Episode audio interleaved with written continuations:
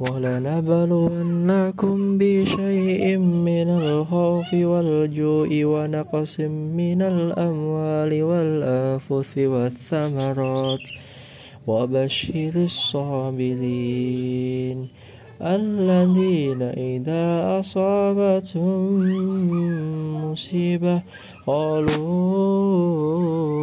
إنا لله وإنا إليه راجعون.